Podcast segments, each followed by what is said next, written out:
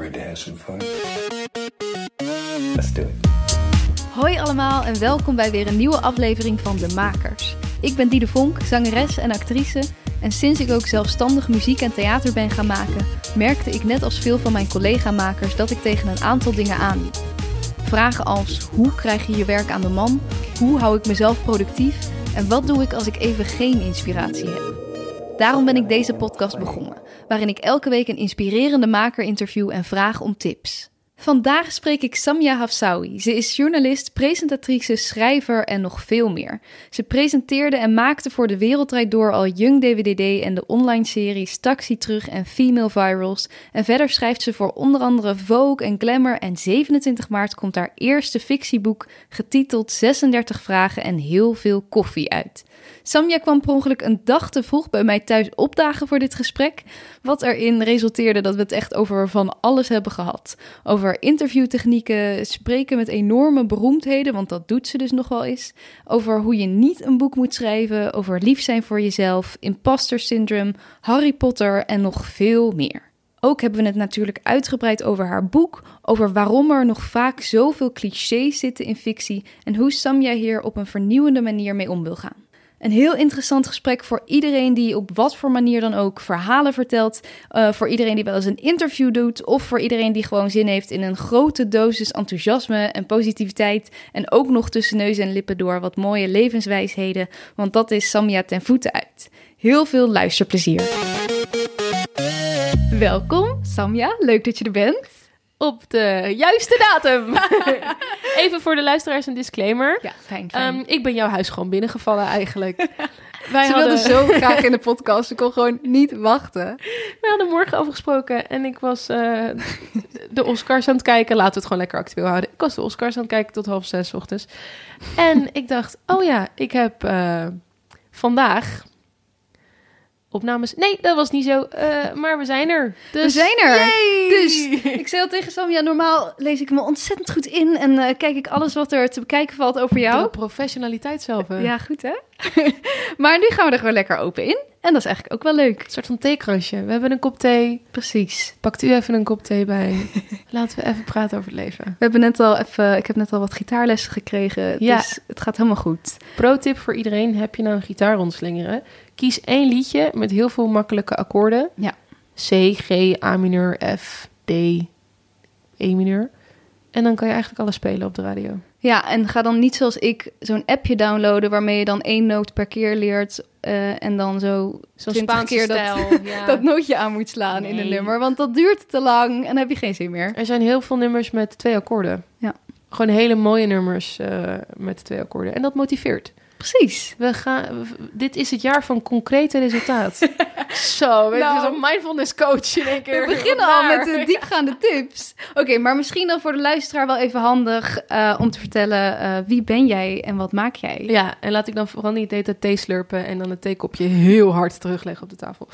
Uh, mijn naam is Samir Hafsawi. Ik ben 25 jaar, alsof ik ergens kom solliciteren. Mm -hmm. En mijn hobby's. Wat zijn je goede ik, eigenschappen? Ik, uh, ik ben journalist in de breedste zin. Dus ik doe print en tv en podcasten soms voor de gezelligheid. Maar dan als gast. En ik vertel verhalen. Ik denk dat ik, ik doe best wel veel verschillende dingen. Of het lijkt verschillend. Maar alles wat ik doe is in het teken van verhalen vertellen over mensen. Mm -hmm. Bijna nooit over mezelf. Maar nu we er toch zijn. Hè? Ja. Nu we er toch zijn. En dit gaat over mij, wat heel ja. raar is, want normaal gesproken ben ik de interviewer. Precies, maar je gaat ook een boek schrijven. Gaat dat niet ook ergens over is jezelf? fictie. Nee, oh, is, is fictie. Een roman. Ja, sorry mensen, dit had ik natuurlijk normaal geweten. maar... Weet je wat het rare is? Iedereen gaat ervan uit dat het non-fictie is. Nou, ik dacht dat ik dat ergens had gezien of zo. Nee, maar het is een soort van... Ik weet niet, misschien is er een ding dat als je een beetje een soort van... Uh, bekend bent om je persoon. Mm -hmm. Dus in mijn geval deels ja. ook uh, wie ik ben dan dat mensen dan denken dat je een soort van biografie misschien uitbrengt of een hulpboek of wat dan ook. Maar ik ben 25. Ik heb mijn hele soort van korte leven al fictie geschreven, maar dan dat het nergens heen ging. En nu maak ik fictie die uitkomt. Ja, want inderdaad, normaal ben je natuurlijk journalist. En dan gaat het over actuele onderwerpen ja, en uh, echte politiek, onderwerpen, politiek. Entertainment. Ik interview veel muzikanten en acteurs. En maar ik heb altijd een passie gehad voor fictieverhalen. Ik heb een jaar Engels gestudeerd aan de HVA. Daar hebben we heel veel literatuur gedaan. En toen ik dat op academisch niveau mocht bestuderen, toen dacht ik: Oh, het is zo'n mooi beroep om iemand compleet in een andere wereld te sleuren via Mhm. woorden. Ja. Of dat nou audio is of, of lezen.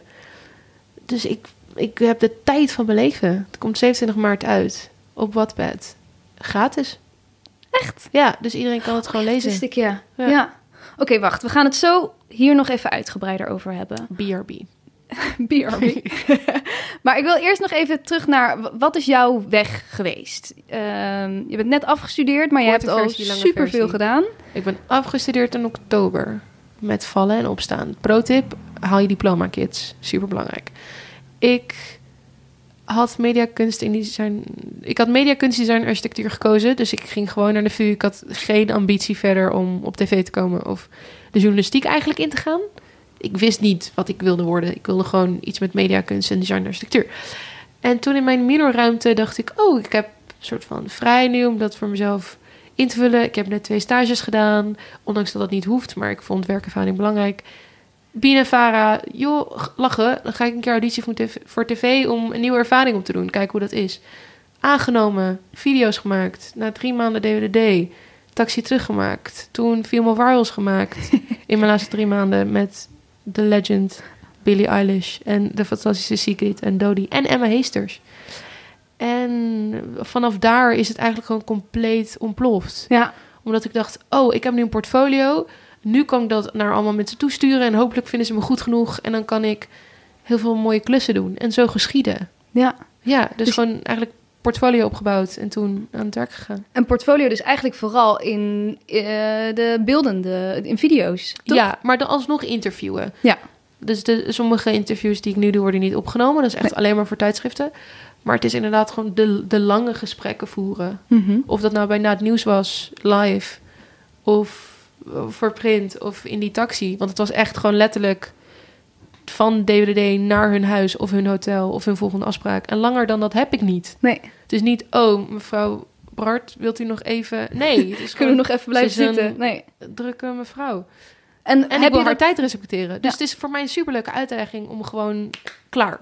En was dat iets, want jij ging dus bij DWDD, is dat dan een soort stage wat je daar dan loopt? Of eh, hoe zit dat precies? Het, was dus vanuit de Academy. Mhm. En het, het was nog nooit gebeurd dat iemand vanuit de Academy echt video ging maken daar. Of in ieder geval met hun eigen gezicht. Mhm. En eh, dus alles was nieuw. Dus Ja. het was een soort... Nou, Academy is niet echt stage. Want je bent... Ja, het, Het is is in en net- al Want we hebben ook stagiairs. Ja. Maar het is een soort van ja, werkervaringsplek. Misschien is dat het beste om te omschrijven. Maar en toen kwam Young DWD eh een seizoen later. Ja. Dus ik heb het onder de Academy gedaan. Toen heb ik het onder Young gedaan met Emma eh, en Jurre en Sahil. En nu heb je een nieuwe lichting, eh, of eh, nieuwe lichting. Ja. Wat ik heel leuk vind. Dus ik heb echt het gevoel dat ik iets heb kunnen... Bijna alsof je daar vrijmaken daar. stond. Ja. Ja, ik ben heel blij dat er nu meer jonge mensen bij DWDD werken. En zoiets als zo'n taxi terug, female virals. d- dat zijn dus allemaal eh, voor de luisteraar... eh, YouTube-series. Ja, ja, YouTube-series die jij gemaakt hebt. Zijn dat ideeën waar jij zelf mee bent gekomen? Ik had het gemaakt met Johanne van der Onderbeuving, die nu voor Vondel CS werkt. Zij is fantastisch. En wij zaten daar en wij kregen de opdracht van DWDD... joh, verzin iets leuks, dan kunnen we feedback geven en dan... Hè, klaar. Willen we doen, want we vinden het belangrijk dat je iets leert. Dus wij hadden taxi terugbedacht. Want één, ik kon niet autorijden. Dus iets als James Corden, dat kon niet, want ik kan niet rijden. Dus dan krijg je al visueel gezien iets anders. En het is DWD, dus je gaat ook niet soort van een lollig karaoke zingen met iemand per se.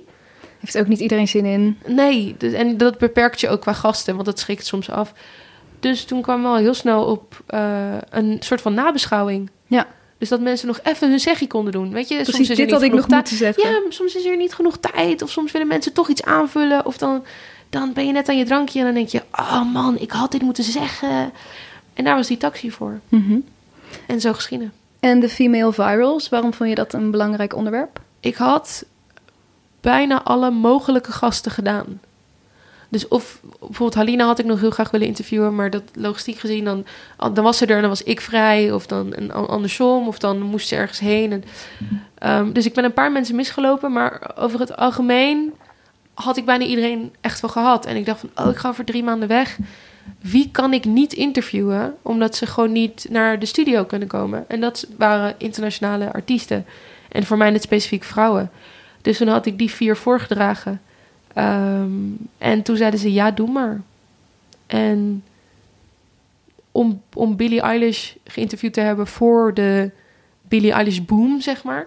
Want echt niemand wist wie zij was. Ouder dan 19. Ja, ja. Dit was voor Lowlands, voor de Volkskrant, voor, voor alle traditionele voor alle. En, ja. en, en zij had tijd. En zij kon een half uur met mij zitten in Utrecht. En, Want zij was in Nederland toen? Ja, zat een concert in de, in de Ronda, moet je nagaan. En dat, dat was fantastisch. En dat heeft volgens mij nu meer dan 200.000 views. Ja. Wat voor mij superveel is. Ik weet dat het voor um, content creators soort van niet het meest, meeste aantal is. Maar voor iemand die voor een wat ouder publiek maakt, dus het DVD-publiek, is dat heel veel. Ziek veel. En hoe was dat voor jou? Want je ging, nou ja, jij hebt dus ook denk ik best wel mensen gekozen waar jij tegen opkeek, die jij zelf vet vond. Ja, bijvoorbeeld Emma. Ik vond Emma Heesters haar verhaal super bijzonder, want die heeft fans van over de hele wereld. En toen nog kende bijna niemand haar in Nederland. En daarna heeft ze natuurlijk beste zangers gedaan en ze heeft die super grote hits nu. Ze heeft net een single met Chris Cross uit. En voor mij was het gewoon heel die uitdaging om mensen te vinden net voor hun grote break. Ja. Dus net dat ze nog tijd hadden om, om echt inhoudelijk heel lang te gaan zitten. En met Sigrid ook. Zij was net, had allemaal hits in de UK. En de rest van Europa begon haar net een beetje te leren kennen. En met Dodie ook. Dodie is een hele, uh, eigenlijk niche artiest. Met een heel hecht YouTube-publiek. Die wel gewoon de melkweg uitverkoopt in vijf minuten. Maar als ik nu op de Albert Kuip zou moeten staan met wie is Dodie, dan zegt iemand, weet ik niet. Ja. Maar zie maar de melkweg. Weet je, er zijn mensen die wij kennen die niet de melkweg uit kunnen kopen. Ja, maar dat vind ik zo interessant dat er nu voor mijn gevoel... Uit kunnen kopen, kunnen verkopen. uit kunnen verkopen. Uit kunnen... Oeh, ja. Toch? Nederlands. Ja. kunnen uitverkopen. Ja. Zo. Maar dat er nu... Er zijn volgens mij zoveel uh, bepaalde... Je kunt op zo'n andere manier, soort van tussen aanhalingstekens, beroemd zijn. Micro-famous. Precies. Op TikTok zijn er mensen, Nederlanders met miljoenen views... die inderdaad in DWDD niemand kent. Ja. Dus dat is super interessant hoe ook het begrip beroemdheid misschien ook zo... Ja, want wanneer ben je beroemd? Ja. Nou ja, het is voor mij best wel bijzonder om te zien dat sommige plekken vinden mensen heel validerend voor zichzelf. Mm Dus als ik een keer bij ja. deze show zit, dan ben ik echt Precies. beroemd. Als ik een keer word uitgenodigd voor dit, dan ben ik echt beroemd. En voor heel veel mensen zijn dat hele andere dingen. Voor de ene persoon is dat Wie is de Mol? Mhm. Voor de ene persoon is dat Ik hou van Holland. Voor de andere persoon is dat DWD of Jinek of op één. Er zijn eh, toch nog met ehm, de mensen die bekend staan als content creator, dus heel erg online, is het toch een heel bijzonder moment als zo'n traditioneel medium jou belt en zegt: hey, wat, uh, wij zien iets bijzonders in jou. Maar het hoeft niet. Nee joh, blijf lekker TikTokken. Want het is een hartstikke valide manier om Precies. Uh, niet alleen geld te verdienen, maar ook gewoon om dingen te gaan maken. Dit is, ja, het is echt een makersding, TikTok. En hoe keek jij dan naar bijvoorbeeld DWDD toen jij daar ging starten? Had jij zelf zoiets van, ik, ik wil op tv? Of waar kwam van jou die motivatie? Ik miste...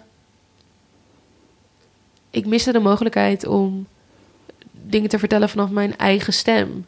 En dan word je al heel snel presentator als je dat wil doen. Mhm. Als je echt je stempel op, op je werk wil drukken, dan uh, als presentator heb je eigenlijk het laatste zegje. Want als jij het niet vraagt, dan komt het er niet. Dus toen dacht ik, oh, ik wil presentator worden, want dan kan ik echt mensen interviewen en dan kan ik de vragen bepalen en dan kan ik er echt mijn eigen saus in gooien. Dus wat dat betreft was, was DWD het programma waar je in een hele korte tijd de meest interessante mensen komt te spreken. Ik heb Lin Animal, Joep van Dijk, Umberto Tan, oh my god. Uh, Jolanda Hadid was een keer te gast. En jij had misschien nog relatief weinig interviewervaring natuurlijk. Matthijs zit daar al 100 jaar. Jij spreekt die mensen dan ja, na afloop ook opeens. Uh, Paul Witteman. Paul Witteman, er zit Paul Witteman naast je.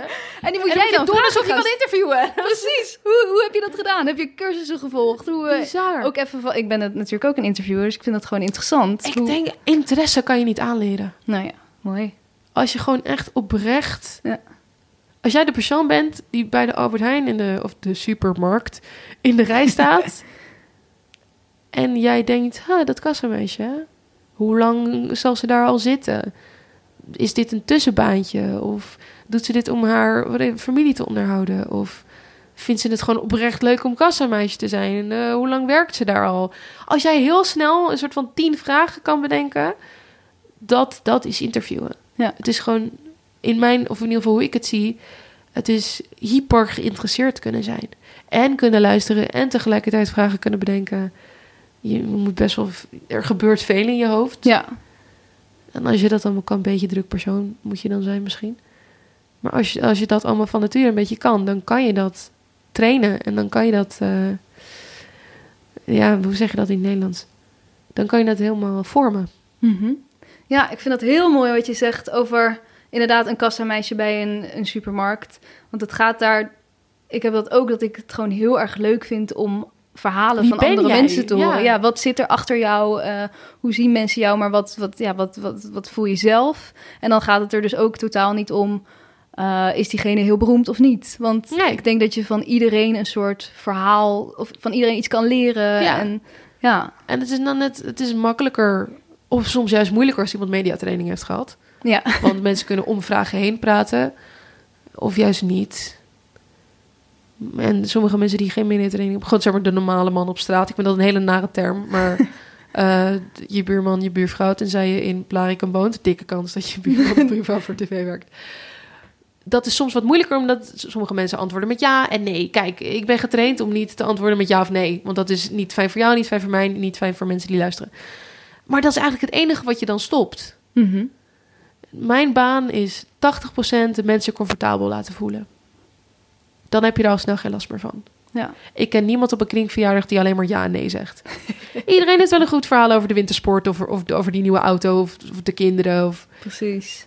En we zijn van nature verhalenvertellers. Dus als je dat uit iemand kan halen, dat is voor mij interviewen. Ja. Ja. En heb je wel eens meegemaakt dat je merkt dat iemand daar niet voor open staat of inderdaad wel zo'n soort muur om zich heen heeft? En wat doe je dan? Nee, dat is dus de luxe dat ik eh, eigenlijk alleen maar werk met, met acteurs en zangers en actrices en dat soort mensen. Er zijn, er zijn dingen waar ze niet over willen praten. En daar heb ik, dat is mijn grens. Dus Mhm. ik denk, hé, hey, jij wil hier niet over kletsen, dan ga ik het niet aan je vragen. Er zijn heel veel mensen die zijn heel goed in prikken. Ja. Vakterm. Weet je, even prikken. Maar dat is een soort van sport die je onderling afspreekt. Van ja, je, je wil er niet. Maar bijvoorbeeld met politici of. eh, zeg maar dat het is. Zij weten dat. Dat is. Ja, dat is dan je, onderling. Ja, dat is je. onderling afgesproken. En ja, als iemand een hele nare ervaring heeft gehad met. Bijvoorbeeld Emilia Clarke. Ja, die heb je net geïnterviewd van Game of Thrones. Precies. En zij is dus heel erg bekend van Game of Thrones. Ik had besloten voor mezelf, ik ga jou niks vragen over Game of Thrones. Dat is een soort van respect dingetje vanuit mezelf. Van, hey, je wordt hier waarschijnlijk alleen maar over gevraagd. Je bent veel meer dan dit. Dus uit respect ga ik je dat niet vragen. Dat kondig ik ook niet aan. Nee. Maar het is gewoon... ehm, ik hoop dat dat een bepaalde wederzijdse sfeer creëert. Of een wederzijds respect. En inderdaad, op een gegeven moment begon ze er gewoon zelf over. En achteraf zei ze, dat was zoveel fijner. Want ik had gewoon het idee dat ik dat verhaal gewoon kon vertellen... omdat het context had. En niet omdat ik verplicht weer iets moest vertellen over Game of Thrones. Ja, want dan moet zij ook weer hetzelfde riedeltje vertellen wat ze al aan tien interviewers heeft verteld. Ze werd altijd gevraagd over haar naaktscènes bijvoorbeeld. En dan denk ik, joh, meid, je bent zo... Of meid, ze is in de dertig. Mijn vrouw, eh, zij is zo slim en ze is bezig met haar eigen productiebedrijf. En ze vindt het heel belangrijk dat het geld dat ze heeft verdiend met Game of Thrones... haar een soort van financiële onafhankelijkheid heeft geboden. Zodat ze zelf bijzondere projecten kan uitkiezen. En ik merk dat wel vaker dat mensen financiële on- onafhankelijkheid heel belangrijk vinden in de kunst. Want dan kan je dingen kiezen. Soms doen mensen gewoon dingen omdat ze moeten eten. Mhm. Alleen dat Ja. weet het publiek niet. Nee. Die ziet jou in een of andere B-film. En die denkt, wauw, weet je, die is, eh, whatever, gezonken. weet je, nee, jij doet toch ook soms dingen omdat je moet eten. Ja, precies. Eh, maar ja, dat is een ander, ander mediawijsheid dingetje. Maar als je dus, voor misschien vakmensen die luisteren... Het is heel bijzonder als je, als je dat spelletje eenmaal aan het spelen bent.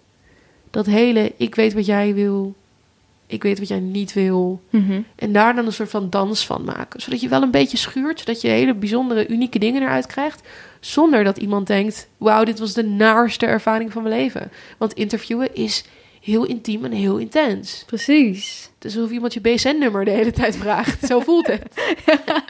Ja, en dat je, ja, nee, ik, ik denk dat dat heel erg klopt wat je zegt. Dat het is een wisselwerking en dat doe je samen. En het is ook een balans inderdaad naar wel zoeken van waar kan het schuren en wat is Ja. eh, interessant. Maar hoe voelt diegene zich nog wel op zijn gemak en Om komt zo'n verhaal vertellen, misschien ja. vanzelf.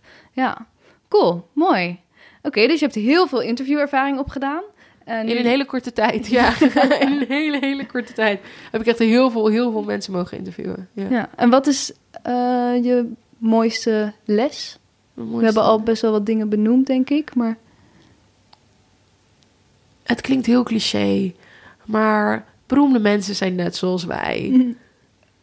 Dat, ja, dat, dat is ook maar... Ik denk dat als ik de mensen opnoem die ik heb geïnterviewd... dus bijvoorbeeld Lizzo...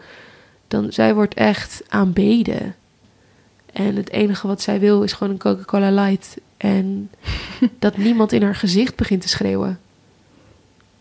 En als je dat voor jezelf kan bewaren, die soort van: oké, ik ga niet fangirlen, ik ga niet schreeuwen, ik ga niet zeggen hoeveel ze voor me betekent. En dat mag, dat mag allemaal, maar doe dat achteraf. Mhm. Want mensen waarderen dat echt. Maar die, dat menselijke contact van mens op mens en niet van interviewer naar beroemdheid of eh, celebrity naar pleb, I don't know, allemaal termen voor. Maar dat willen zij. Want dat is, ze hebben geld, ze hebben macht, ze hebben invloed. Maar wat ze kwijt zijn geraakt, is, is dat menselijk contact kunnen maken met mensen. Omdat je bent altijd Lizzo of Beyoncé of whatever. Robert Pattinson van Twilight. Er zijn van die mensen die Ja. labels op zich hebben. Groter dan het leven bijna. Weet je, Daniel Radcliffe, Harry Potter. En dan heb je dus alles behalve je menselijkheid. Mhm. En dat is zo heftig. Dat is inderdaad echt extreem heftig. Super heftig. Want dat is het enige wat je niet... Dat kan je niet kopen. Dat kan je niet terugverdienen. Dat is groter dan jezelf. Mhm. Soms heb je dat niet eens expres weggegeven. Billie Eilish heeft tegen me gezegd, zonder te name droppen, ik weet hoe dit klinkt, maar zij zei: als ik had gelaten, als ik had geweten dat mijn laatste concert als concertganger mijn laatste was geweest, had ik nooit beroemd geworden. Het enige wat zij wil is gewoon in een publiek kunnen staan Ja. op een festival. Maar dat is fysiek onveilig voor haar. Mhm. En dan heb je zes Grammys. Maar dat kan je nooit meer doen. Nee, En dan moet je jezelf echt afvragen: is het het dan wel waard? zeker. Dus nooit pieken. Nooit Niet beroemd worden. pieken. Nou ja, je hebt zelf, nou ja, een, een- je bent ook veel op tv geweest. Heb je zelf dat dan ook gemerkt? Dat dat met sommige contact, contacten moeilijker is geworden? Nee, ik, ik heb sowieso een hele kleine cirkel. Mhm. Dus de mensen die me kennen, kennen me al jaren. Cirkel van vrienden, familie. Ja, vrienden, familie, kennissen. Ehm, het is natuurlijk wel heel... Wat je vaak ziet is dat iedereen met elkaar omgaat... omdat je begrijpt wat je doormaakt. En ik, ik, moet niet, ik ben niet zo vaak op tv... dat, weet je, dat, dat valt allemaal wel mee, joh. Mhm. Hè? Het is super lief als iemand zegt... hey, je hebt een bekend... Ik was in de Subway. Ik was in een broodjeszaak. zo. Ik was in een broodjeszaak. En... ehm, en mevrouw was, was haar broodje aan het pakken, maar ze stond voor het pinapparaat. Dus ik zei, oh sorry, mag ik even betalen? Want mijn betaaldingetje was al aangezet door de cashier. En zij zei, oh tuurlijk. Oh, hey, bekend gezicht. Ik zo, oh ja, misschien. Zij zei, oh ja, joh, superleuk wat je doet bij RTL. Ga zo door. Ik zei, Ja. oh, dank u wel. Dat zijn... Dat iemand midden op je dag, zonder dat je dat verwacht, leuke dingen over jezelf zegt. Dat is super tof. Voor iedereen leuk? Superleuk. Ja, iemand- precies. Je staat gewoon in de metro en iemand zegt... hey, wat jij doet is echt leuk. Dan Ja. denk je, zo, die doe ik even in mijn zak... en die bewaar ik voor een slechte dag. Precies. Maar om dat niveau te behouden... dus dat het nog leuk is... dat is buiten mij om. Mhm. Wie weet doe ik morgen iets heel doms. en dan sta ik op Dumpert. En, firewall, ja. Ehm, alsjeblieft niet. maar je, je, dat beroemd worden gebeurt zonder jou. Ja. Dat overkomt je. En dat is eng. Dat is heel eng. Want je kan wel kiezen wat je doet voor je werk. Je kan kiezen om in Wie is de Mol te zitten. Je kan eh, kiezen om... Weet je, je kan kiezen voor dit vak.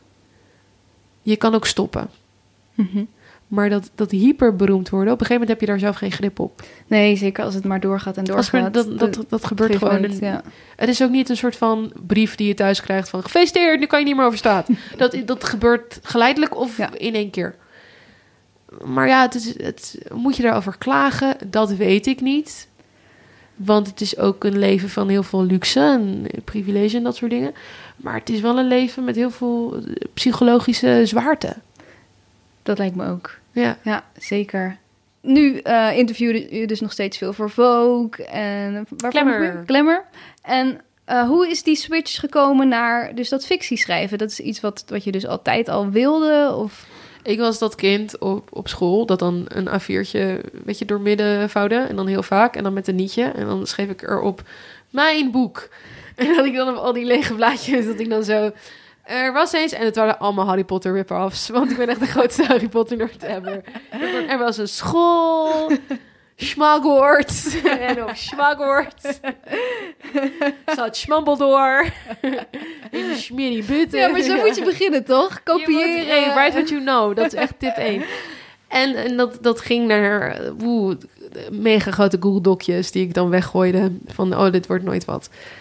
En nu gaat het dus naar het eerste fictieboek. Wat echt, dat is echt bizar. Ik denk dat ik dan wel ga huilen. Ik denk dat als ik het in... ehm, het wordt dan niet, nog niet verkocht. Maar als ik het in print zie, dus dat we hem een keer hebben afgedrukt... dan, ja, dan doe ik wel even...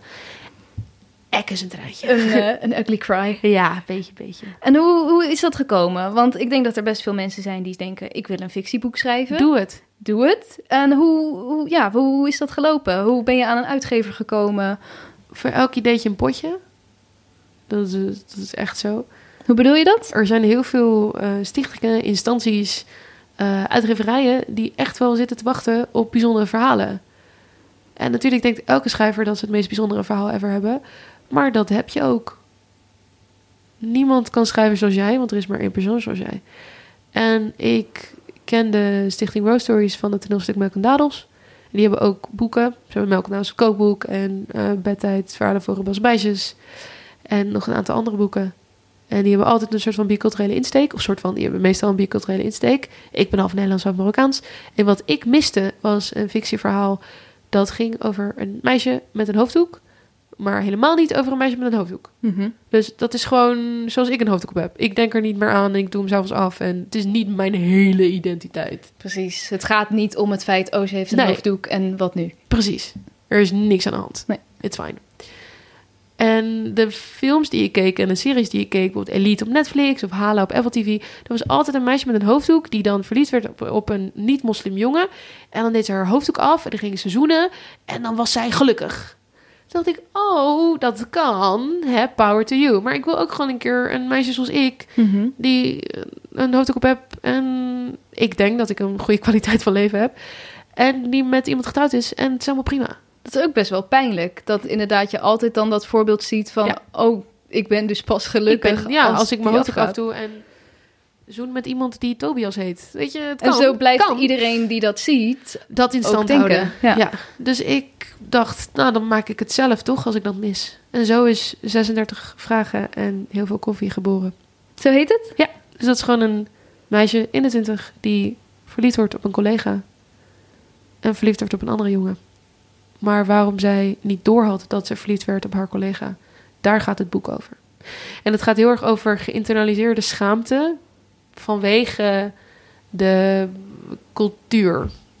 Dus ik ben heel erg opgevoed met seks wordt huwelijk is slecht en jongens zijn slecht. Maar als je 18 bent moet je wel meteen trouwen en seks hebben. Ik zo, wacht even. Oh, dat dus is ik ben inderdaad... helemaal Ja. opgevoed mijn hele leven met het idee dat jongens een soort van pokken zijn waar ik niet aan mag zitten. Mhm. En dan moet ik in één keer trouwen en dus ook seks hebben, want ik moet zo snel mogelijk kinderen baren. Wacht even met z'n allen. Oh, Ho, dat is ho, ho, ook een rare paradox, ja. Super eh, rare paradox. En dat is, dat is, buiten geloof is dat heel erg cultureel. Mhm. Want godsdienstelijk gezien is sex education super lekker seks hebben en super goede seks hebben. Dat is allemaal top. en lekker, weet je, ik zeg heel vaak het woord lekker. dat mag en dat kan en dat is goed. Dat is goed voor je huwelijk, dat is goed voor je persoon, dat is goed voor je leven. Alleen als mensen je leren dat je geen seks mag hebben voor het huwelijk, dan komen daar soms hele agressieve soort van angsttechnieken bij. Van doe niet, of dan, dan gebeurt er dit met je en dit. En dan gooien we je uit huis en dan gaan we je onterven. En hele grote machtstermen. Mhm. Maar dan hoe maak je die switch van wanneer het wel mag? Ja, want als je Als je seks altijd zo'n heftige connotatie hebt gehad met seks is slecht en dan mag het opeens, kan ik me best voorstellen dat je nog- steeds denkt van nou, eh, dit, En dat is niet alleen eh, binnen een soort van Marokkaanse islamitische context. Dat is wel vaker met seks. Mhm. Ik ken maar heel weinig mensen die heel sekspositief zijn opgevoed. ja, Het is heel vaak niet doen, SOA's zwanger, SOA's zwanger, SOA's zwanger. En helemaal niet, oké, maar hoe ga je hier veilig mee om? Hoe vraag je iemand toestemming? Mhm. Hoe weet je eigenlijk zelf hoe je je grenzen moet aangeven? Wat wil jij? Wat wil je partner? Wil je wel een partner? Er heel, Mhm. heel veel grote vragen waarvan we heel bang zijn om die te stellen.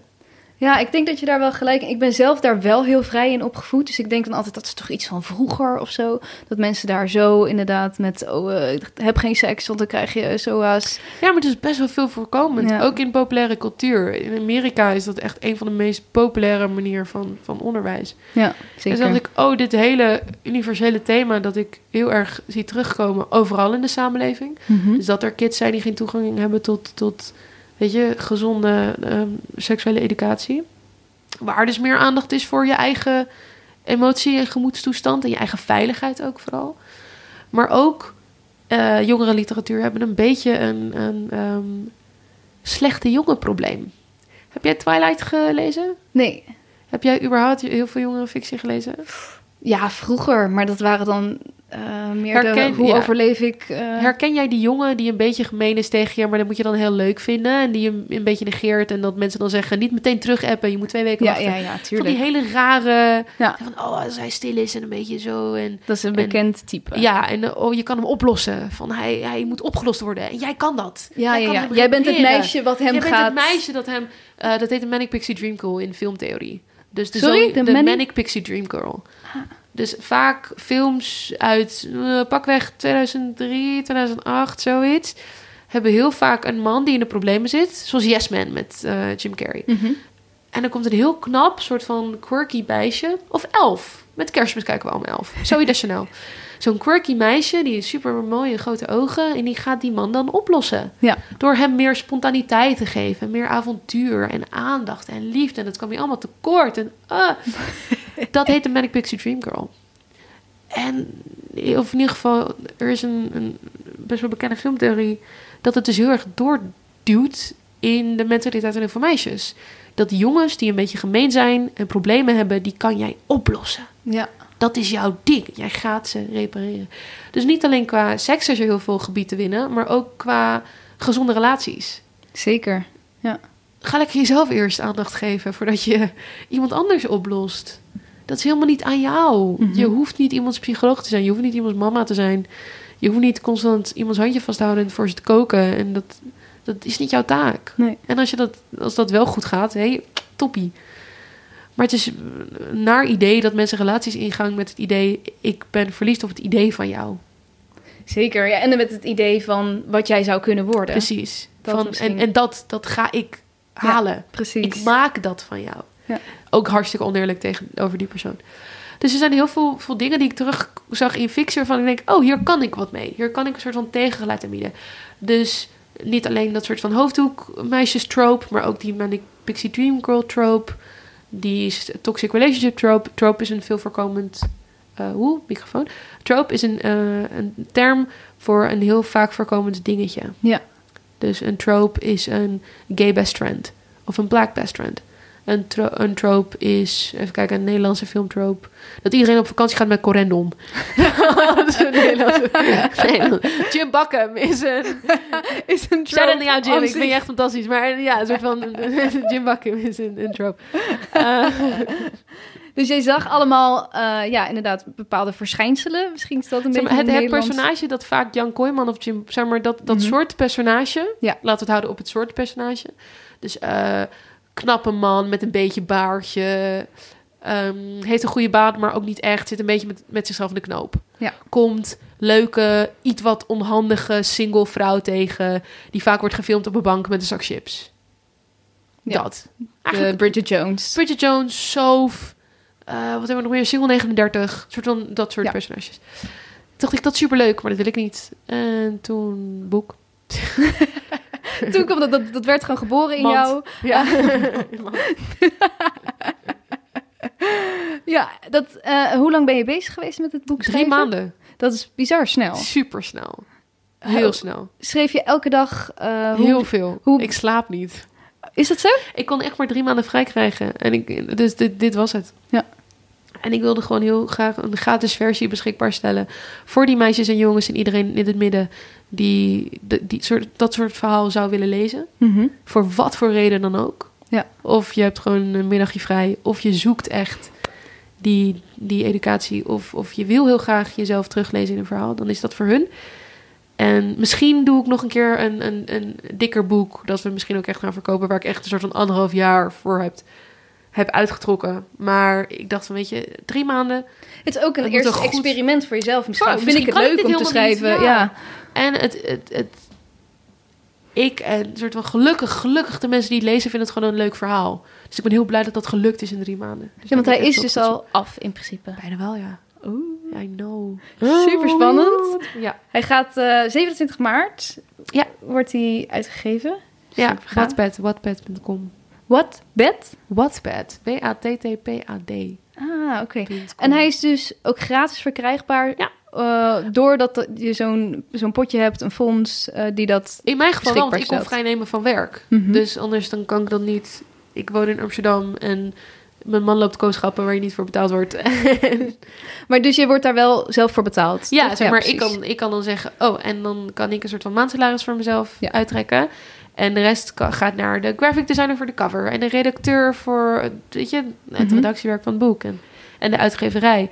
En dan, hoef je, dan is dat gewoon... Dan is iedereen safe. Iedereen kan eten. En dan kan je het gratis weggeven. Ja. Dus dat is super leuk. En wat nou als het helemaal opblaast? Dat dit mega bestseller Top. wordt. Top. Top. En, en zie jij daar dan nog iets van terug? Nou, dan ga ik nooit meer niet boeken schrijven. Ja, want je zei net ook... Nee, nee, nee. Als het een half miljoen keer wordt gelezen op Nee. Wattpad, dan nee, dan merk ik daar in mijn portemonnee helemaal niks van. Maar hoe vet? Ja, hoe Hoe vet? Ja. En Wattpad is fantastisch, want het is dus eh, een gratis toegankelijk platform voor iedereen die ook boeken wil schrijven. Dus denk jij van, joh, ik heb nog een superleuk verhaal liggen. Test het uit op Wattpad.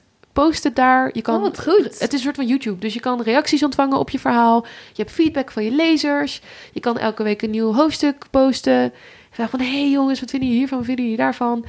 Je kan, er zijn zoveel Oh, leuke boeken. Als niet. Wat lezer vet. is Wattpad ook superleuk. Want je hebt in één keer miljoenen boeken. Ja. En er zitten parels tussen, er zit bagger tussen. Maar dat is hartstikke leuk. Precies. Maar het is dus voor allemaal schrijf en ja, mensen die het gewoon leuk vinden om te schrijven. Mhm. Die gewoon zeggen, hier is mijn verhaaltje, hier is mijn hart en ziel gratis. Ja. Eh, veel plezier. Dat is het. Ja. En je zei net even, ik weet niet of de microfoons toen aanstonden van... waarom ben ik niet dit veel eerder gaan doen, eh, Ja. schrijven? Is dit iets wat Oh, je in de toekomst nou ja, wil, verder wil gaan doen? Nou ja, sowieso, ik kan nooit niet verhalen vertellen. Dus of dat nou is met interview of beeld of presenteren voor tv of fictieboeken. Het is voor mij allemaal hetzelfde. Ja. En ik vind, nou ja, het is een beetje een cadeautje aan mezelf dat ik nu genoeg tijd heb kunnen maken om echt hier volledig voor te gaan. Maar dat kan ook, weet je, dat kon ook alleen maar omdat ik eh, er vrij voor kon krijgen. Een, een boek schrijven en daarom hebben we het literatuurfonds en allemaal soort fondsen. Het neemt alles in beslag. Het is alles opslokkend. Ja, Dus het is, heel, het is gewoon heel intens werk. En niet iedereen heeft er tijd voor om daarvoor te gaan zitten. Maar wat ik wil meegeven, wat ik ook heel erg de hele tijd aan mezelf moet vertellen, is: wees niet te kritisch. Het hoeft geen griffel te winnen of whatever, een Pulitzer. Hoeft niet, hoeft niet. Mensen vinden het gewoon al leuk om een leuk verhaaltje te hebben. Wees niet zo kritisch aan jezelf. maar dat Schrijf gewoon, schrijf. Eh, eh, je, ze zeggen toch dat je alle kansen mist die je niet hebt genomen? zoiets. You, you miss all the shots that you don't take. Ja. Uh, you miss all the chances. Nou, Een soort van niet geschoten is altijd niet schat mis. altijd mis. Ja. Eh, nou, als je het woord niet opschrijft, komt er echt geen verhaal. Nee. Dus schrijf nou maar gewoon. Maar is dit ook iets wat je zelf hebt moeten leren? Want dat wilde ik je eigenlijk net gaan vragen. Inderdaad, hoe ga jij om? Je zult vast ook een criticus hebben in je hoofd. Ik heb zoveel boeken gelezen over fictie schrijven. En ik, ik, schrijf dan ook vakkenvullers mee, twee afleveringen, een NPO 3-serie. Dus dat is scenario schrijven. En ik heb natuurlijk vanuit mijn opleiding meege- meegekregen. Ik heb heel veel andere jeugdliteratuur gelezen. Dus ik ben er eigenlijk al zonder het zelf te doen al jaren mee bezig. Tot van, tot, van mijn bachelor tot en met in mijn vrije tijd dat ik gewoon... How to Not Write a Book is een geweldig boek over hoe je niet een boek moet schrijven. Dat is van twee redacteuren die bij hele grote uitgeverij hebben gewerkt. En ze zeggen, we kunnen je niet vertellen wat een goed boek maakt, want dat weten we niet. Dat is gewoon een magie tussen de schrijver en het papier en wij snappen het ook niet. Maar wat moet je niet doen? Dat kunnen we je heel, heel duidelijk vertellen. Dus eigenlijk geeft jou dat ook gewoon een Heel soort houvast. ja. eh, nou, om echt letterlijk even gaan uit te zoeken. Ja, Hoe, hoe moet ik het niet doen en wat is hier al over geschreven? Want precies. Niet te vaak zeggen na een zin, zei ik, zei ik, zei ik, zei ik, zei ik, zei ik, zei ik. Zei ik. Nou ja, dat soort concrete tips. Hele kleine dingen. Ja. Bijvoorbeeld aan, als jij een scène moet maken, eerste pagina. Je hebt een personage. Hoe moet dat personage zichzelf dan logisch gaan beschrijven?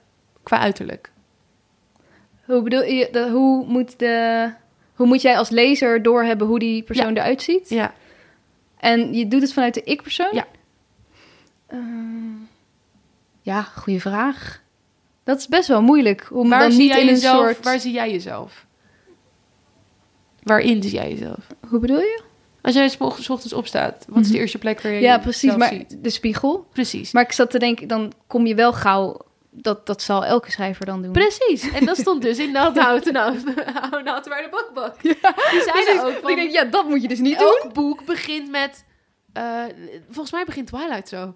dat, dat I woke up and I brushed my luscious auburn hair and I stared at my blue eyes, clear like the ocean. En dan denk ik, nee. maar dat is dus heel verleidelijk. Want Ja. zo kan je wel heel snel... geven? Nou, ik keek mezelf aan en mijn- mijn haar was altijd... eh, Maar er zijn ook heel veel stereotypes. Zoals inderdaad dat veel te klungelige meisje... dat zichzelf lelijk vindt. Maar iedereen, letterlijk elk personage ever in dat boek... wordt automatisch verliefd op haar na twee seconden. Ja. Dus zo lelijk kan ze ook niet zijn. Dus het is een soort van... hoe bouw je een logische verhaalwereld? En het is ook wel moeilijk, want dat zijn dus ook, denk ik, al die tropes, denk ik. Ja, die clichés. Clichés, dat zijn ook niet voor niks clichés. Zeker niet, want dat het zijn- werkt. Daarom, Het werkt zo goed. Hoe schrijf je dan een boek zonder clichés, wat mensen alsnog relatable vinden? Precies, want soms vinden mensen clichés ook leuk. Ja, Want het leert je makkelijk lezen. Precies, dan denk je, nou, nu weet ik hoe je eruit ziet. Top Mhm. en door. ja. Sommige mensen vinden het heel lastig. Dan moet je tien pagina's lang heel poëtisch een, een deur gaan uitleggen. Van, de deur was oranje met groene blaadjes. Maar hoe heb jij dat dan gedaan? Hoe, of Niet, maar eh, niemand weet hoe zij eruit ziet. Eigenlijk Ah. heel erg. Nee, het is eh, wat, eh, volgens mij eerste hoofdstuk. Dan wrijft iemand over haar hoofd omdat ze een nare opmerking heeft gemaakt. En dan lees je dus. Mijn hoofddoek ging zo heen en weer dat hij er bijna afviel. Ja. Tada, die weet je dat zijn hoofddoek op heeft. En dat komt bij- ja, bijna niet meer terug. Misschien laat ik nog één keer terugkomen. Maar ja, dat dan klaar. Mhm. Dus niet, ik stond op en ik deed mijn hoofddoek. Nee. Dat had gekund. Super legitiem. Maar ik vind het dan leuker om mezelf uit te dagen en denken: oké, hoe ga ik dit heel subtiel er toch in fietsen? Ja, Zonder dat ik zo'n hele spiegelscène erin schrijf. precies. Je hebt in tienerfictie ook ehm, één zin die in heel veel boeken zit. En daar is een Pinterest over. Ja, ja, jongens, een Pinterest. Met echt meer dan 55 foto's van uit allemaal verschillende boeken waar, dat, waar die ene zin in staat. En dat is, dus in het Engels, want ik weet de Nederlandse vertaling niet. I let out a breath I didn't know I was holding. Oh, Wat je dus nooit doet in het echt. Ja, dat zo van, dat je zo in spanning zit. Dat je zo, oh, nu laat ik een adempje vallen waarvan ik niet wist dat ik hem had.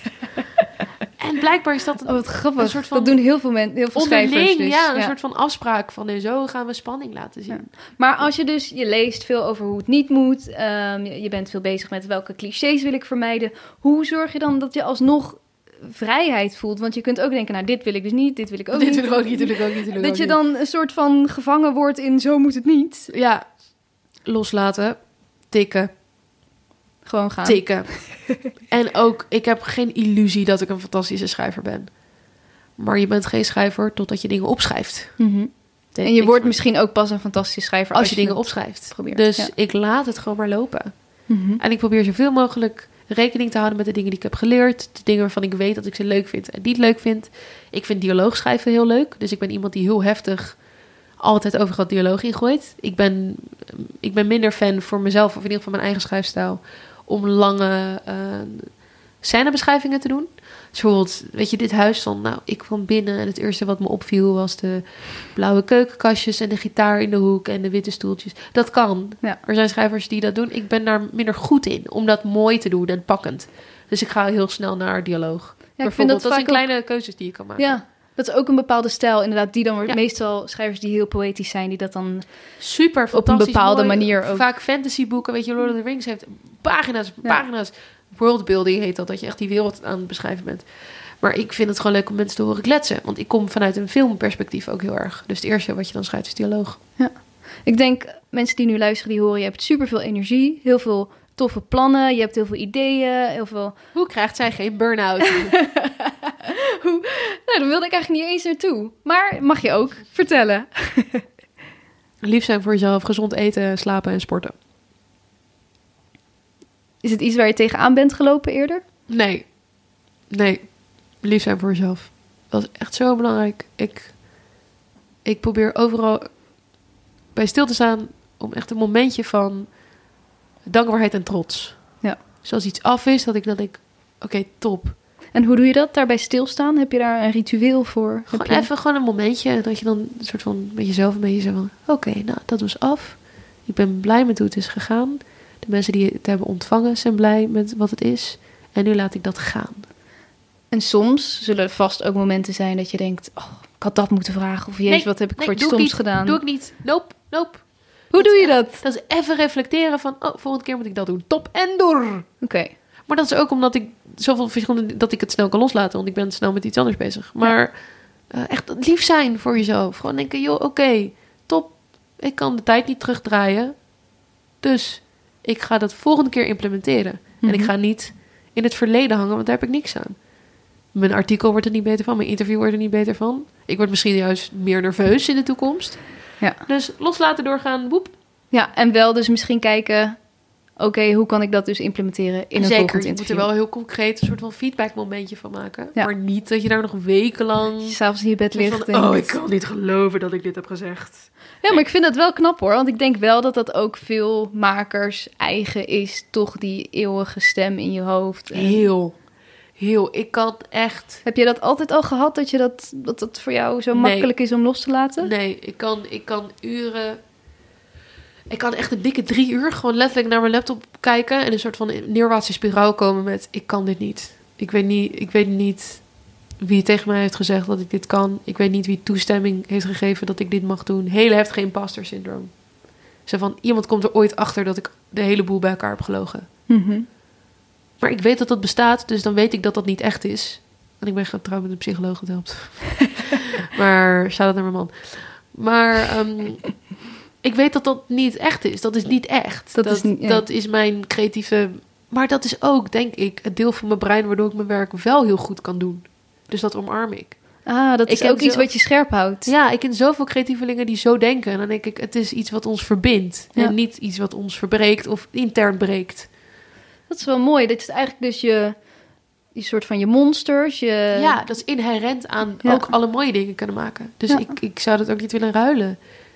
Ja. Mooi. Dingen met intense emotie maken. Mhm. Dus de intense zelfhaat over je werk, maar ook de intense liefde die je in je werk kan stoppen. Dat, ja, geen, geen liefde zonder haat. Yes. Dat mogen we op een tegeltje Ja, zetten. precies. Wacht, ik heb een, eh, mijn iPhone-achtergrond als, als afsluitende noot. ja, ja. Wilde ik er even bij pakken, want dat is een hele goede quote. Oh, kijk. Die zie je dus ook elke dag op je iPhone-schermpje. Elke dag. Kijk, dat is goed. Hoor ik me verkouden, ik zit net te snotten. Ik hoop niet dat jullie dat heel erg horen. Maar daarom ook een beetje de kleine versprekingen. Ehm, dit is Ed Strauss op Twitter. Zo. People talk about writer's block, but it doesn't really exist. You can write all you want. Writer's block is really just performance pressure. It's not a block related to the act of writing. It's a block related to the act of other people reading it. Korte vrije vertaling. Ja. Dus writersblok is niet dat je zelf niet kan schrijven. Het is dat je niet durft te schrijven, omdat je weet dat andere mensen het gaan lezen. Dus het is een performance blokkade. Ja. Dus dat jij weet wat je wil schrijven waarschijnlijk. Jij voelt dat. Dat Maar het idee dat iemand anders daar dan een oordeel over gaat vellen, dat het misschien niet goed is, Ja. daardoor stoppen je vingers met bewegen. En dat heb ik ook heel erg. Dat ik denk van, oh, maar ik weet waar, ik, ik weet waar dit heen gaat. Ik weet wat dit personage gaat zeggen. Maar wat nou als dat niet het juiste is? En toen ik zelf een boek begon te schrijven, dacht ik, hoe fragiel zijn de keuzes in mijn favoriete boek, Harry Potter. J.K. Rowling had net een extra kop thee kunnen zetten. En deze zin was voor eeuwig een andere zin geweest. Mhm. Dat kan zij gewoon kiezen, want zij is de auteur. Ja. Zij had niet die zin erin hoeven te doen. Dus dacht ik, die macht werd me even heel erg veel. Dat ik denk van, oh, als dit een boek is die mensen in, in de bibliotheek hebben voor de komende tien jaar, dan is dit de zin die ik nu besluit er maar in te doen. En wat nou als die zin bagger is? Ja. Maar dat is dus niet writersblok vanuit mijn eigen passie voor schrijven. Dat is writersblok vanuit de mensen die het gaan lezen. En toen dacht ik, nee, ik moet erin geloven dat ik als auteur de beste keuzes kan maken voor het boek zoals het is. En zodra het af is, is het niet meer voor mij. Precies, dan kunnen mensen... Dan mogen mensen ermee in de haal. Eh, Ja, Ja. John Green, bekende schrijver van eh Fault in Our Stars, die had gezegd: een boek is niet meer voor mij zodra het af is. Ja. Dan is het van de lezer. Elke interpretatie is valide, elke lezing, elke. Ja, dat zijn hun personages. Maar zolang het niet af is, is het van mij. En heb je dan zelf als schrijver ook nog wel eens dat je wel echt twijfelt van ja, je hebt inderdaad, dat heb ik soms ook met liedjes, van als ik aan het schrijven ben, oké, ik kan nu deze kant op gaan, Ja. maar ik kan ook deze kant op gaan. Daar heb je een redacteur voor. die zegt er dan vanuit Ja. een heel erg soort van neutrale, objectieve blik. Of in Ja. ieder geval vanuit diegene's expertise. Van nou, mijn advies vanuit mijn ervaring is dat je links gaat en niet rechts. Ja. En dat is heel fijn. En daar, je kan zeggen nee, ik, nee, ik ga alsnog naar rechts. En dan soms dan pakt het goed uit. En dan soms dan heb je jezelf in de vingers gebeten. Maar ehm, ja, weet je, als, als artiest heb je een ENR. Een? ENR. Ja, Wat is dat? dat is de persoon die eigenlijk bepaalt welke liedjes bij jou passen in, in een grotere het schema van jouw carrière, in, van jouw eerste album. Dus echt een soort van curator van jouw liedjes. Dat is letterlijk een persoon. Dat is een functie bij een label. Ja, die persoon zegt dan: Oké, maar ik ga nu met jou bepalen wie jij eigenlijk bent. Mhm. Dus je hebt, als je op een bepaald soort van professionaliteitsniveau komt, dan krijg je dus gewoon mensen die tegen jou zeggen: Ja. Ik vind dat jij naar rechts moet. Ja, En soms kan je je daarin verliezen. Precies, ik Ja. denk het belangrijk is om ook inderdaad heel erg bij die eigen stem te blijven. Ja. Ja. Maar soms hebben ze het echt goed. Tuurlijk. En dan moet je dat, dat, dat creatieve, dat ego dat, dat, dat zo knaagt, moet je dan loslaten. Maar ja, als je te weinig ego hebt, dan kom je in zo'n neerwaartse writersblok-spiraal. Dus wat willen we nou met z'n allen? het is zo fragiel. Dus het is zo... Mijn mening over slechte boeken is ook veranderd. Ik geloof niet meer in slechte boeken. Want potverdorie, die mensen hebben een boek geschreven. Mhm. Zo moeilijk. Ja. Wie ben ik dan, Shaki Writersblok? ja, en ze hebben het gedaan, inderdaad. Dat, ze hebben het gedaan. Ze hebben het geprobeerd. Het er zijn zoveel mensen die met een manuscript in hun eh, keukenla zitten. Op Twitter, "Uh, Twilight is een slecht boek. Ik zo, maar uh, waar is jouw boek? nee, maar het is natuurlijk onzin dat je een, niet een mening mag hebben over iets dat je niet zelf maakt. Hè? Want als filmcriticus eh, hoef je ook niet een Oscar te winnen om iets over Scorsese te zeggen. Maar vanuit mijn makersperspectief is het idee van slecht werk nu heel erg veranderd. Dat is ook mooi. En wat kunnen we nog meer van jou verwachten in de toekomst? Wat, wat wil je nog doen? Wat, wil, wat zijn nog taboes die je wilt doorbreken? Ik wil een musical nog- maken. Yes! Ja, Oh my god, ik ook. ik wil een musical maken. Waar wil je een musical over maken? Of is het een- nog uh, top Ik wil een musical maken over The Hero's Journey van Joseph Campbell. Dat is een hele bekende verhalentheorie. Mhm. Of in ieder geval structuur om een verhaal in te vertellen. Ja. En dat is gebaseerd op eigenlijk het Jezus Christus verhaal. Dus de uitverkorene. Ja. En dat kan je eigenlijk copy-pasten op heel veel verhalen. Dat kan je copy-pasten op Lord of the Rings, kan je copy-pasten op Harry Potter, kan je copy-pasten op Breaking Bad of Mad Men. Maar je wil een hero's journey maken of je wil dat gegeven? dat gegeven, daar wil ik een musical over maken. Ja. Cool. Of ben ik daar een musical over aan het maken? Piu, piu, piu, piu. Oh my god, wat een We cliffhanger. zullen het nooit weten. Hopelijk zullen we het wel ooit weten. Want Misschien. cool. Ja.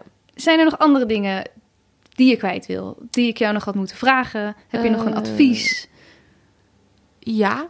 Kijk Star Wars. Als je nog nooit Star Wars hebt gezien. Ja, ik heb Kijk dus The nog- Mandalorian. Super goede serie. Jij bent echt wel van de fantasy. Wilde je niet zelf ook fantasy schrijven? Nee. Nog niet. Dat is echt heel, dat is echt heel lastig. Ehm, ik ben een heel grote nerd. Even kijken. hm, wat moet ik nog meer zeggen? Ja, drink vooral water uit uh, niet-plastic flessen. Wees lief voor jezelf en elkaar. Poets je tanden en flos. Dat is echt, echt beter voor je. En ik hoop dat je evenveel van jezelf houdt als de liefde die je aan anderen geeft. Punt. Mooi. Dankjewel. Graag gedaan. Dat was hem. Samia, heel veel dank. Ik vond het een heel erg leuk gesprek.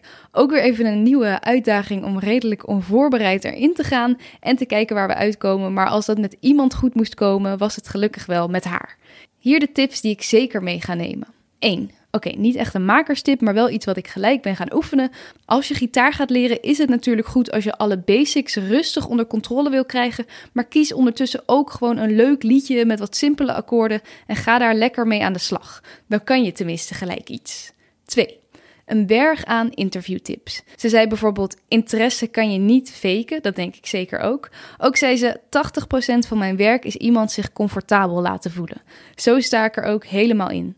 Vraag niet iemand naar een bekende weg of vragen die diegene waarschijnlijk al honderd keer heeft moeten beantwoorden. Maar kijk naar wat die persoon nog meer is, los van het ene ding waar diegene misschien het meest bekend van is. Zeker iemand die echt ontzettend beroemd is, mist als grootste ding in het leven menselijkheid. Iemand die je even ziet voor wie je bent als mens.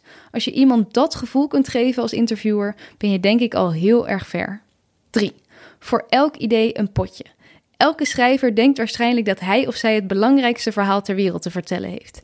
En zoals Samia zegt, dat is ook zo. Want niemand is zoals jij. Jouw idee is uniek. Dus zoek naar plekken waar mensen jou kunnen helpen. 4. Cliché maar waar, wees lief voor jezelf. Wees niet te kritisch. Als je bij je eerste boek al het doel hebt om een Pulitzer Prize te winnen, kan je dat nogal in de weg staan van een vrij creatieproces. Ontdek, leer, maak fouten. Leer van die fouten, maar blijf ook niet in het verleden hangen. Daar word jij niet beter van en je werk ook niet. 5. Een beetje in het verlengde van het vorige. Writersblok of creatorsblok heeft vaak meer te maken met de angst dat andere mensen er uiteindelijk iets van vinden. Laat dat dus los in je maakproces. Als jij klaar bent, is het uit je handen en zullen mensen er toch wel hun eigen interpretatie en mening over gaan vormen. Maar tijdens het maken is het van jou. Ik hoop dat jullie het een leuk gesprek vonden. Ik vond het heel leuk om Samia te ontmoeten. Haar inspiratie en haar vuur zijn super aanstekelijk. Dus ik hoop dat dat ook zo is overgekomen als je nu luistert. Haar boek is 27 maart uitgekomen en dus gratis te lezen via Wattpad. www.wattpad.com Overigens dus ook een hele dikke tip als je zelf iets wil uitproberen met schrijven. Heel veel dank Samia en jullie tot volgende week. Vond je dit een leuk gesprek? Abonneer je dan op de podcast en volg de Makers Podcast op Facebook en Instagram. Delen en reviewen is heel erg fijn en laat het me vooral weten als je nog gasten of vragen hebt die je graag wilt horen. Volgende week staat er weer een hele bijzondere, inspirerende gast voor je klaar. Deze podcast werd gemaakt door mij, Diede Vonk, en de muziek is van David Zwarts. Deze podcast kwam mede tot stand met steun van Stichting Norma. Ben jij uitvoerend kunstenaar en wordt jouw werk wel eens opgenomen en uitgezonden? Meld je dan aan bij Norma.